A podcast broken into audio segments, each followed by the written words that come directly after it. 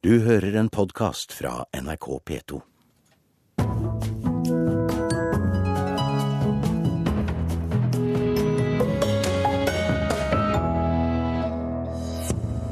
Kulturpersonligheter ønsker fortsatt rød-grønn regjering. Opprop med 297 underskrifter legges frem i dag. To av landets fremste ordkunstnere samarbeider for første gang. Lars Vaular og Frode Grytten lager hiphop. Og en forrykende roman, sier vår kritiker om den svenske forfatteren Per Olov Enquists nye bok. Du hører på Kulturnytt i P2s Nyhetsmorgen. Agnes Kittelsen, Morten Abel og Roy Jacobsen er blant kulturpersonlighetene som har skrevet under på et opprop for fortsatt rød-grønn kulturpolitikk. Før forrige stortingsvalg mobiliserte kulturlivet bredt mot Fremskrittspartiet, og i dag lanseres oppropet Kulturkampen på nytt. Når man ser hva som er alternativene, hvor man på den ene siden har et alternativ som vil kutte i kulturbudsjettene, og det andre alternativet er et alternativ som vil styrke kulturbudsjettene, så skulle det være forholdsvis enkelt for den som har et kulturpolitisk hjerte, å gjøre et valg. Arnfinn Bjerkestrand, til vanlig nestleder i Kulturrådet, mener det nå er på tide at kulturlivet blir hørt i valgkampen. Derfor står han bak oppropet Kulturkampen. Det tar til orde for mer rød-grønn kulturpolitikk og advarer svarer mot å la Framstegspartiet få fingrene i kulturbudsjettet. Så, så klart da som skillelinjene er i da norsk kulturpolitikk, så skulle egentlig eh, valget være ganske enkelt for norske kunst- og kulturarbeidere. Dette er jo et skrik vi hører ved hvert eneste valg. Forlegger Arve Juritzen er derimot lite begeistra for de rød-grønne sin kulturpolitikk. Spesielt er han mot bokloven. Hvis det er flott at vi nå får eh, kulturlivet opp i eh, valgkampen, det ligger altfor langt nede. Eh, men jeg tror vi skal ta oss tid til å lese de forskjellige programmene og se hva de forskjellige partiene har å tilby. Det er mer differensiert enn dette. Nå skal vi høre at kulturkampen for alvor starter i dag. Kulturkampen har vært en flopp og har ført til flere Frp-tilhengere, sier rektoren ved Markedshøgskolen. Også ved førige stortingsvalg sto Bjerkestrand bak et opprop for fortsatt rød-grønn kulturpolitikk. Det er nå det gjelder, og det er nå forskjellene kommer tydeligere tydeligere frem. Da fikk debatten kuriøse utslag, som da forfatter Erik Fosnes Hansen i en NRK-debatt kasta ei papirkule på nestlederen i Frp. Et møte på Gardermoen. Skal du mistenkeliggjøre det også? Nei, Denne gangen har Gøril Mauseth, Agnes Kittelsen, Roy Jacobsen, Sven Nordin og 293 andre aktører fra kulturlivet blitt med. Men de borgerlige tar kritikken med stor ro. Eh, vi er opptatt av en kultur som vokser nedenifra, eh, mer enn en kultur som styres ovenifra. Det gjelder både Olemic Thommessen i Høyre og Ib Thomsen i Frp. At de kjemper for sin egen politikk i, i Kulturrådet og i Arbeiderpartiet, det forstår jeg. Men jeg forstår ikke at eh, de ikke vil endre bokloven så det blir billigere bøker, eller som Frp har foreslått på Stortinget, at vi skal sende mer kulturkroner ut i kommunen. Men dette handler ikke om parti, men om et engasjement for god kulturpolitikk, mener initiativtaker Bjerkestrand. Dette er et tverrpolitisk initiativ som først og fremst handler om kulturpolitikk. Vi peker på et, et flertall som gir eh, økte kulturbudsjetter, og det er det som ligger bakgrunnen. Kulturkampen er bredt eh, anlagt og er ikke eh, partipolitisk avhengig. Reporter her, det var Sondre Bjørdal. Agnes Moxnes, kulturkommentator i NRK. Er det overraskende eller er det ventet at et kulturopprop stiller seg bak den regjeringen vi har nå? Det er litt overraskende i den forstand at et lignende opprop eh, for fire år siden ble ganske, ganske latterliggjort. Men samtidig så vet vi at kunstnere og kulturfolk eh, normalt trekker mot den eh, røde og mer radikale siden av politikken. Men det viktigste her er jo at når det gjelder satsing på kultur, så har, jo, har det jo vært en kraftig opptrapping gjennom Kulturløftet og den sittende rød-grønne regjeringen. Men Arnfinn eh, Bjerkestrand, som sto bak da dette lignende oppropet ved, ved forrige stortingsvalg, han, hvordan tror du han da, eller dette oppropet nå vil klare å prege valgkampen denne gangen her? Altså Hvis vi ser på det som skjedde forrige gang, så kom det nesten ikke til å prege valgkampen i det hele tatt. Eh, da kom Erik Fossnes Hansen i studio her på Marienlyst, kastet en papirkule, og så, og så, forsvant egentlig hele oppropet. Det var først og fremst en underskriftskampanje.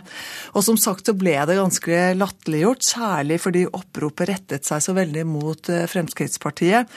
Og det fikk veldig mange til å trekke konklusjoner av typen at dette er et elitistisk opprop mot folk flest flest, og Magnus Marsdal, som jo skrev Frp-koden, han gikk ut og sa at dette styrker Fremskrittspartiet mer enn det svekker dem. Og kanskje kan det nettopp være liksom den historien der som gjør at forrige gang så mener jeg at det var oppi 500 underskrivere på dette oppropet. Nå er det ca. 300.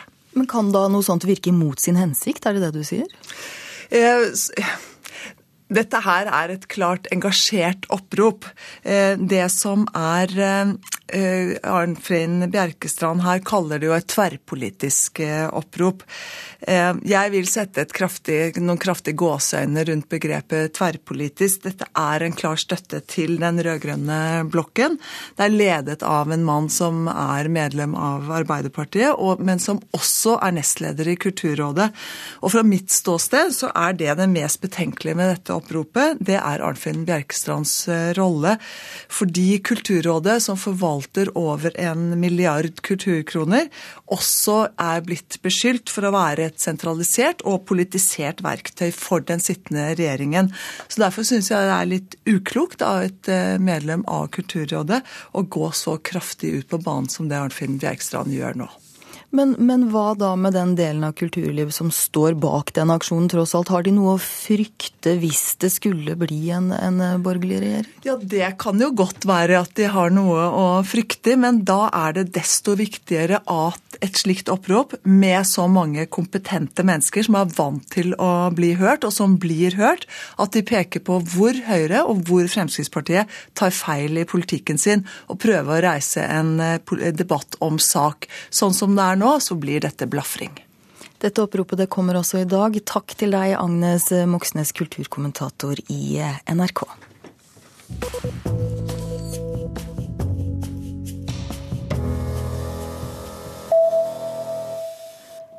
Tyrkia er et av landene i verden som har flest fengslede journalister. Nå ber Norsk Journalistlag kongeparet og næringsminister Trond Giske om å ta opp dette når de drar på offisielt besøk til landet i november. Til Dagens Næringsliv sier Utenriksdepartementet at det foreløpig ikke er bestemt hva som skal drøftes under eh, Tyrkia-besøket. Og den amerikanske etterretningsorganisasjonen NSA har kapasitet til å overvåke hele 75% av internettrafikken i USA. Det er langt mer enn det som offisielt er blitt innrømmet tidligere, skriver avisen Wall Street Journal. Til nyhetsbyrået Reuters sier NSA at de både arbeider for å beskytte USA, og samtidig for å respektere borgernes rettigheter.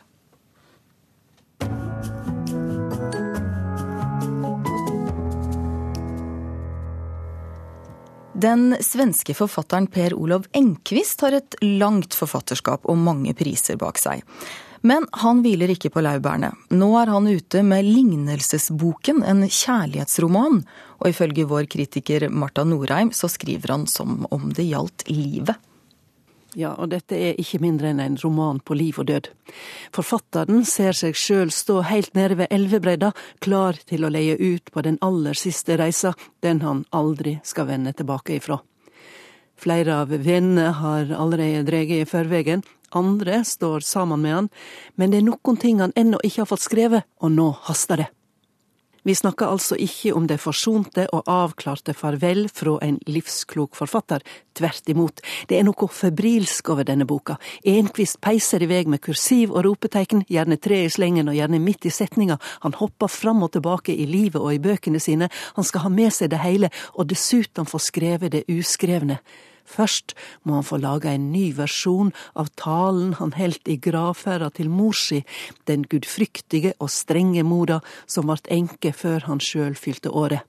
Da hun døde, hoppa han over de vanskelige tinga, og det plaga han. Og så må han få skrevet en kjærleiksroman. Det er også vanskelig, for kjærleiken er et under. Og når det gjelder under, går det ikke an å gå rett på sak. Da vil det nemlig forsvinne. Han må ty til likninger, slik Jesus gjorde da han skulle syne fram trua for disiplene. Ni likninger har det blitt i denne romanen. Sentralt står likninga om notisboka, der far hans hadde skrevet ned kjærleiksdikt til mor, ei bok han trodde var tapt for alltid, men som dukka opp att. Da han fikk den i hende, mangla det ni ark. Hva sto på disse? Hvem har revet dei ut, og hvorfor? Dette er ett av flere meningsbærende tomrom i denne boka, der forfatteren også sørger over de syndene han ikke har fått gjort. Og så er det kjærleiken, som eh, liksom religionen ikke bare er et under, men også heilag og dessuten frelsende. Ja, kanskje det ligger mer frelse i kjærleiken enn i religionen, funderer han på, og da tenker han ikke på kjærleiken sånn i og for seg og rent allment, men på det samleiet han hadde den sommeren han var 15 år, på et furugolv med ei 51 år gammel kvinne, som han seinere bare hadde ett flyktig og svært påkledd møte med på en jernbanestasjon før han møtte opp i gravferda hennes. Både kjærleiken og religionen kan føre folk til frelse så vel som til galskap i denne romanen.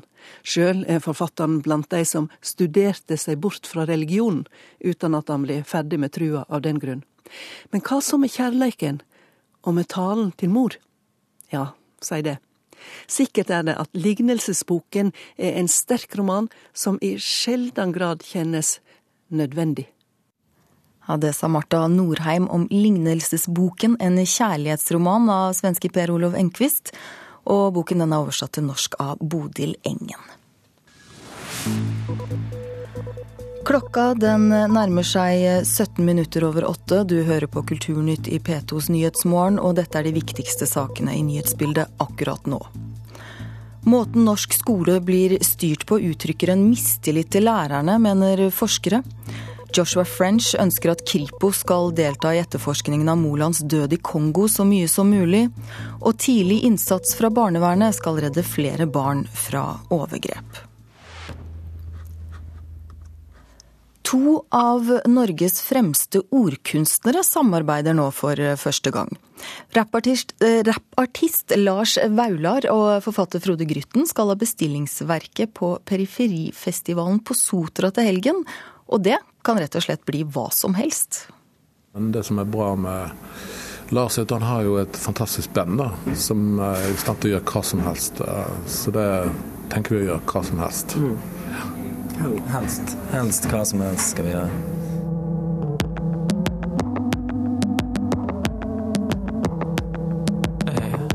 Hvis du har en ting, så kan jeg gjøre ting klart ved timens slutt. Bare. Så kan vi to ha en ting klar, en stor ting for neste friminutt. Det er muligvis nå en skal tillate seg å si 'endelig'. For er det ikke egentlig på tide at to av Norges fremste ordkunstnere finner på noe sammen? Det syns jeg er stas. Jeg kjenner godt uh, hva han har gjort uh, tidligere. Nå. Frode Grytten, forfatter, født i 1960. Brage- og Riverton-prisvinner, språkprisvinner og mye mer. Jeg liker veldig godt uh det han har gjort. og jeg har til og med vært på teater og sett. Så det er jo egentlig fordi han er et utrolig talentfull fyr, og det er gøy å jobbe med sånne. Lars Vaular, rappartist, født i 1984, flerfaldig Spellemannvinner, dialektprisvinner osv. De to har mer til felles enn at de er i eliten i sin disiplin. Nei, Det er jo mest ord og preik og sånn. Under Periferifestivalen på Sotra kommende helg samarbeider de om Tingingsverket, Utgangspunktet er splitter nytt materiale fra Lars Vaular si kommende plate. Så Jeg har egentlig skrevet tekster til tekstene hans, da. så det er en slags uh, dialog med det som han har gjort på den nye plata som ennå ikke er gitt ut. Frode Grytten kaller det dialog, men kanskje blir det også en slags spegel?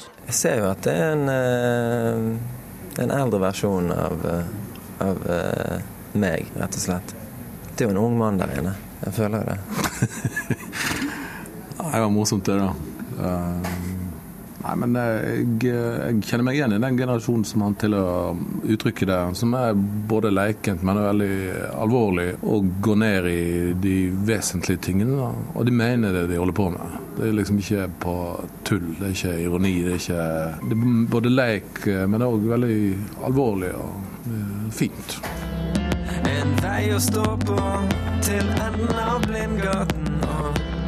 Jeg driter i det, driter der, fordi du, du, du er med meg. Og så lenge Fortell, hva er det dere egentlig skal framføre? Eh, nei, det er jo musikk, da. Bandet spiller, eh, jeg rapper. Og så um, Hva heter du? Forkynner det? Du, du forkynner eller, eller preker eller ja, proklamerer tekster. Fortellinger, på en måte. Bestillingsverk, eller tingingsverk, som det også heter. Det er nå nesten blitt en egen sjanger det på norske festivaler. Hva har dere lyst til å tilføre til den sjangeren, hvis en kan kalle det det? Nei, Det er jo en egen sjanger. Og det har jo en sånn eh, opphøyd, eh, litt pompøs uh, lyden av statsstøtteaktig uh, Men dette er noe helt annet, tror jeg. da. Hva med, med god samvittighet liksom ta ned nivået på, på et bestillingsverk? Og ja, ta det ned på gateplanen, på en måte. Gjøre det forståelig. Er det en battle, dette her? Mm, nei, dette er ikke en battle i det hele tatt. Dette er mer sånn uh, ja, samarbeid, kan du si. Det er vel så langt som du kan komme vekk fra det. Det er rett og slett en dialog mellom ulike uttrykk. Vet ikke hvordan alle sammen ble som de ble. Du hørte utdrag fra låta 'Nonsens', som altså blir en del av bestillingsverket til Lars Vaular og Frode Grytten på Periferifestivalen til eh, helgen. Reporter, det var Turi Rogne. Og så skal vi til Hålogaland teater, for de går inn i samfunnsdebatten på en ny måte når de gjennom tre år skal jobbe med ungdom og makt. Med prosjektet Power ønsker teatret å rette oppmerksomheten mot hvilken innflytelse ungdom uten stemmerett har i samfunnet. Målet med prosjektet er jo å belyse ulike maktstrukturer som finnes, og ikke minst endre dem. Og at ungdommer sjøl har jo en veldig Det er dem som er framtida.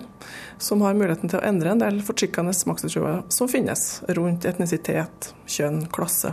Så det er jo det jeg håper. Det høres veldig stort ut, det, men én plass må man jo begynne. Mens politikerne for tida slåss om å få stemmer fra de som er over 18, vil teatersjef Nina Wester ved Hålogaland teater høre stemmene til de som er mellom 15 og 18 år. Med prosjektet Power skal teatret belyse hvilken makt ungdom har. Jeg syns det er kjempeviktig at vi som kulturinstitusjon skal gå inn i samfunnsdebatten. For det første så ligger vi jo i et område der det skjer veldig mye spennende ting akkurat nå, som har veldig stor betydning for hele det norske samfunnet. Eh, og for det andre så er jo all kunst på et eller annet vis politisk, syns jeg. Og ikke minst så har vi et publikum som er en veldig ulike grupper, som vi må nå på forskjellige måter. Og ungdommer syns jeg man en veldig viktig gruppe å få i tale. Power lanseres under Dignity Day i Honningsvåg neste uke, med kronprins Haakon til stede. Blås i dommerfløyte! Hold megafoner! Okkuper kjøpesenter! Gå fremst i demonstrasjonstog! Det er tidlig i prøveperioden til forestillinga som blir den første i Power-prosjektet. 'Jeg ringer mine brødre' av svensk-tunisiske Jonas Hassen Kemiri handler om en terroraksjon som fant sted i Stockholm i 2010. Der en ung irakisk mann forsøker å sprenge seg selv i lufta, som har litt sammenheng med 22. juli. Og hva som skjedde etterpå, at uh, de som hadde en muslimsk bakgrunn, kjente seg selvfølgelig veldig uh, utsatt. Så det handler veldig mye om her, hva vi definerer som vi og dem de onde og de gode. Forestillinger, workshops og dialog med ungdom er måten teatret skal få fokus på maktstrukturer. Gjennom Power vil teatret gi ungdom arenaer hvor de kan gi uttrykk for sine meninger. Det er veldig bra at en kulturinstitusjon tar ansvar på en sånn her veldig bra måte. Det mener Marta Hofsøy, fylkessekretær i AUF i Troms. I landets største ungdomsparti har de uten stemmerett mulighet til å påvirke makta. Men Hofsøy tror at teatret med prosjektet kan nå også de som tror at politikk ikke angår dem. Og det å gjøre det tilgjengelig gjennom kulturen som, som, ungdom har et forhold til, og som man forstår seg på, det syns jeg er en helt super måte å gjøre det på. Så det, jeg heier på det. Vi er ikke redd! Vi er ikke redd! Vi er ikke redd! Vi er ikke redd! Vi er ikke redd! Vi er ikke redd! Vi er ikke redd! Power-prosjektet er en del av grunnlovsjubileet neste år, men forestillinga Er ringe mine brødre har premiere allerede i oktober. Reporter var Hege Irén Hansen. Musikk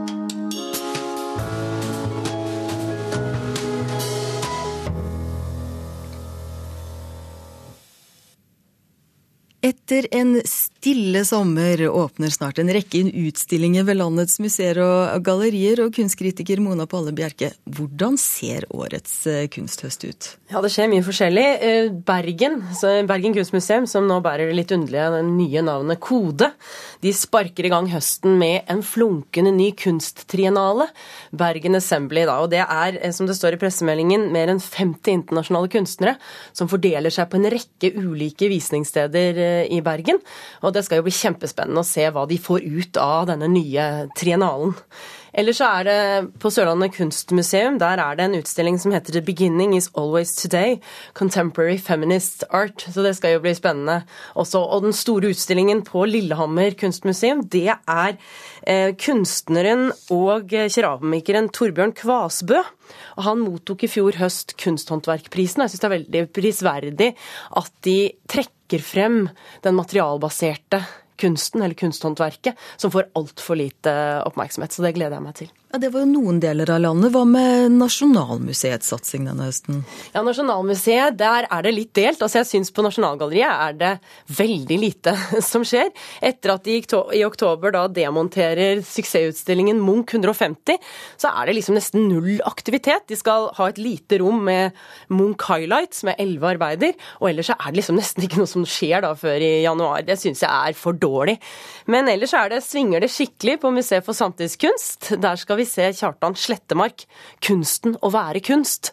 Og han er jo en kjempeviktig skikkelse i nyere norsk kunsthistorie, og har jo da, det som jo tittelen peker på, det er at det kan bli ganske vanskelig å lage denne utstillingen. For veldig mye av hans prosjekt det dreide seg jo om hans egen person. Han var sin kunst gjennom sin eksentriske fremtreden, gjennom sine aparte Eh, performance-opptredener. Så det skal bli spennende å se hva, hvordan de klarer å løse dette her. I tillegg så er det da på Arkitekturmuseet Louis Kahn, amerikansk arkitekt, Eh, utstillingen heter The Power of Architecture, og dette er jo en av de viktigste arkitekter i det 20. århundre.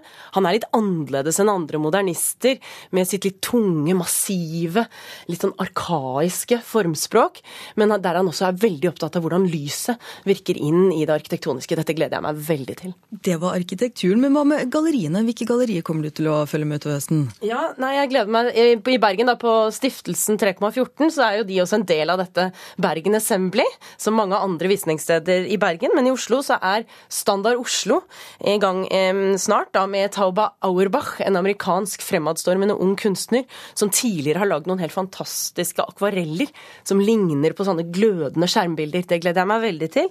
Ellers så er det da på Kunsthall Oslo The Goodness Regime, som er et prosjekt da som utforsker ideologien og selvbildet som det moderne Norge bygger på. Det tror jeg også kan bli veldig spennende. Hvis vi kryper utenfor landet, da? Utenfor landegrensene? Hva ser vi der? En sånn kjempeutstilling som mange vil synes det er veldig gøy å se, tror jeg. Det er eh, Asker Jorn og Jackson Pollock på Luciana, eh, eh, museum for moderne kunst på Humlebekk utenfor København. Det tror jeg blir en kjempekraftfull utstilling. Disse to heftige, følelsesladde maleriske prosjektene. Og så må jeg spørre deg, Er det noe du gleder deg spesielt til nå i høst? Akkurat i dag så er jeg utrolig spent, for i dag så skal de presentere det nye monumentet som skal stå utenfor Stortinget av eh, kong Christian Fredrik. Og jeg er veldig spent på Det Det har vært en veldig konfliktfylt eh, prosess. Jeg er veldig spent på og håper veldig at dette skal bli et, et ok eh, monument. Kan du bare si litt om den konfliktfylte prosessen, da, når du da gleder deg sånn til å se dette her? Ja, fordi at det har jo vært en diskusjon da, blant fagfolk om dette skal være et monument, eller, eller rett og slett et litt mer klassisk klassisk portrett. Og nå har de jo kommet frem til at dette skal ligne eh, kongen. Og det, det, er jo litt sånn eh, engstelig for da hvordan dette skal bli, men jeg håper det blir noe vi kan leve med på denne viktige plassen utenfor Stortinget. Ja, Da får vi satse på at det blir noe du kan leve med. Takk skal du ha, kunstkritiker Mona Pale Bjerke. Vi hører deg igjen i Kulturnytt i ettermiddag, for du skal altså se på statuen og anmelde den eh, seinere. Kulturnytt eh, det nærmer seg slutten. I dag så har du hørt at 297 kulturpersonligheter her i landet har skrevet under på et opprop som ønsker fortsatt rød-grønn regjering. Du hørte at den svenske forfatteren eh, Per Olov Enquists siste roman er et forrykende verk, ifølge vår kritiker. Og at eh, ordkunstnerne Lars Vaular og Frode Grytten samarbeider for første gang. Produsent eh, i dag det var Halvor Haugen, tekniker heter Beate Haugtrø, og i studio satt Elisabeth Tøtte Hansen.